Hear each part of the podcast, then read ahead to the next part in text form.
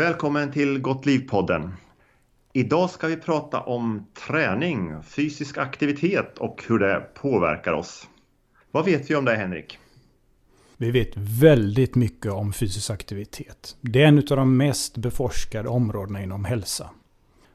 Jag vill att ni håller i er. Fysisk aktivitet kan förebygga och ha en roll i en lång rad olika sjukdomsbehandlingar. Jag läser här i eh, Folkhälsoinstitutets bok FYSS. Alkoholberoende, artros, astma, benartärssjukdom, cancer, cystisk fibros, demens, depression, diabetes typ 1, diabetes typ 2, hjärtrytmrubbningar, hjärtsvikt, hypotoni, kranskärlssjukdom, kronisk obstruktiv lungsjukdom, alltså KOL, lipider, metabola syndromet, fetma, njursjukdom, osteoporos, Parkinsonsjukdom, ryggproblem, ryggmärgsskador, schizofreni, smärta, stress och stroke och yrsel, balansrubbningar, ångest. Och det är även så att vi kan få en, en tight stjärt och stora biceps av det. Oj, det är fantastiskt. Det låter ju jättebra. Ja. Eh, det var ju många fantastiska saker här man kan få av eh, fysisk aktivitet och träning. Mm. Mm. Men om vi då tittar på lite andra saker då, hur eh, med fysisk aktivitet påverkar det också hjärnan, hur vi tänker och så? Ja, absolut. Vi vet ganska mycket idag om hur hjärnan påverkas av fysisk aktivitet. Vi vet att vi får bättre minne. Vi får en bättre förmåga att stänga ut bruset, så att säga. Eh, alltså en bättre förmåga att koncentrera oss. Det har även visat sig att vi har en ökad kreativitet eh, när vi har varit fysiskt aktiva. Men det är främst människor som är relativt vältränade. De här positiva effekterna som kommer ifrån fysisk aktivitet får vi oftast när vi har varit fysiskt aktiva i över 30 minuter. Och gärna då varit eh, fysiskt aktiva på ett högintensivt sätt. Och eh, det är då vi får då positiva biverkningar av fysisk aktivitet. Och vad man kan tänka på då är att man då utövar dessa eh, högintensiva träningspass eller motionslopp eller eh, simturer eller cykelturer på morgonen kanske. För att då eh, njuta utav vinsterna av en stärkt hjärna på förmiddagen. Man brukar säga att det brukar vara ett par, tre timmar just de här positiva effekterna. Mm, ja, det låter ju jättebra. Och en sak till här då, hur är det med sömnen och fysisk aktivitet?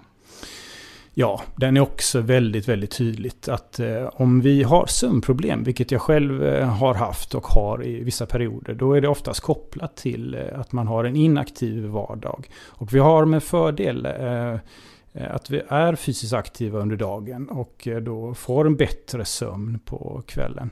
Det finns ju andra, en mängd andra olika eh, sömntips. Bland annat att man ska ha nedsläckt och inte ha screen time innan man sover. Och eh, man ska ha relativt svalt i sovrummet också. Men den fysiska aktiviteten, den är väldigt viktig för god sömn. Mm. Ja, det låter ju jättebra det här och då gäller det alltså bara att träna och då kommer vi till nästa sak då och det är hur kan man hålla uppe då träningsglädjen och hur kan man tycka om att träna ett helt liv och hur får man då bra vanor, bra motionsvanor? Här är ju en, verkligen en 10 000 kronors fråga.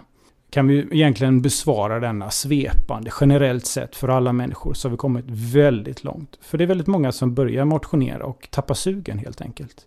Och det handlar i väldigt eh, stor grad eh, att vi det blir inlurade att bli drivna utav externa saker. Vi är eh, drivna utav att någon tycker att vi ska börja träna. Eller att eh, det kanske finns ideal i samhället. Eller det finns eh, kanske hälsohets. Eller det kanske finns löpsedlar som varnar för saker. Och att vi börjar träna kanske av fel skäl.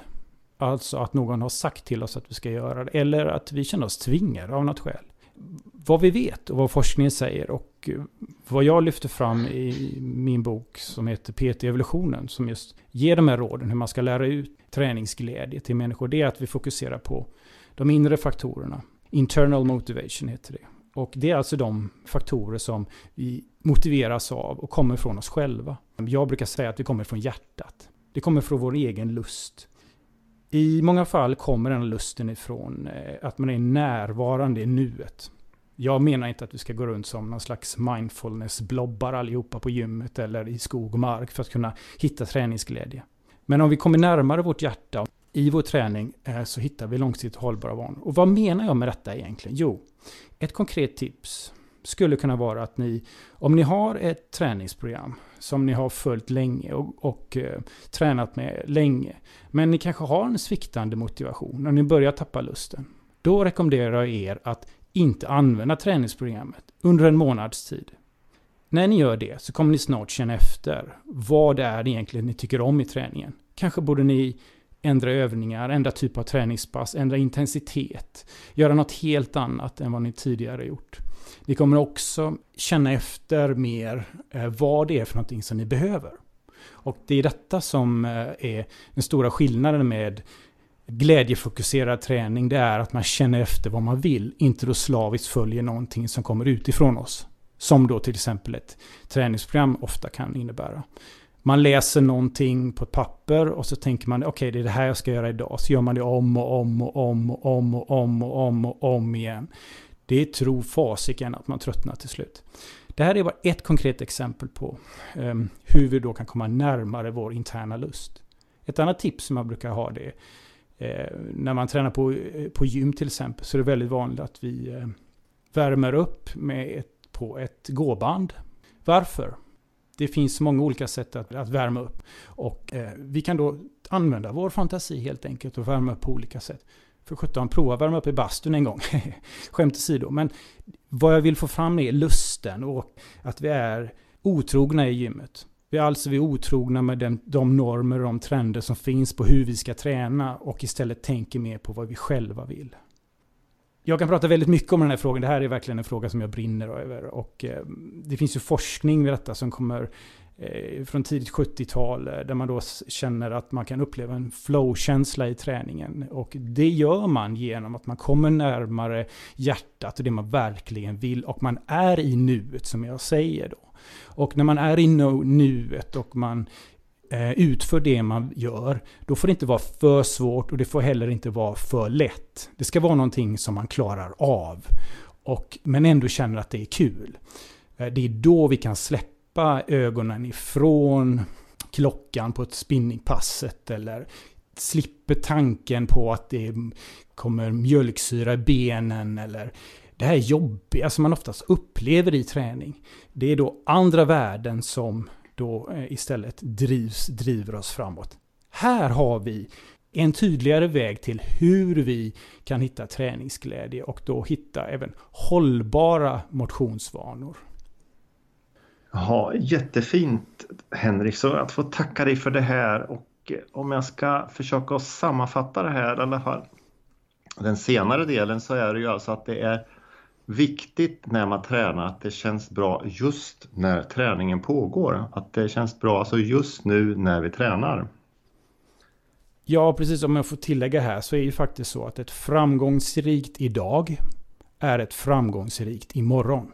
Vi behöver inte se framåt i tiden som den enda måttstocken till någonting vi ska. Vi behöver inte söka i prestationens väg alltid.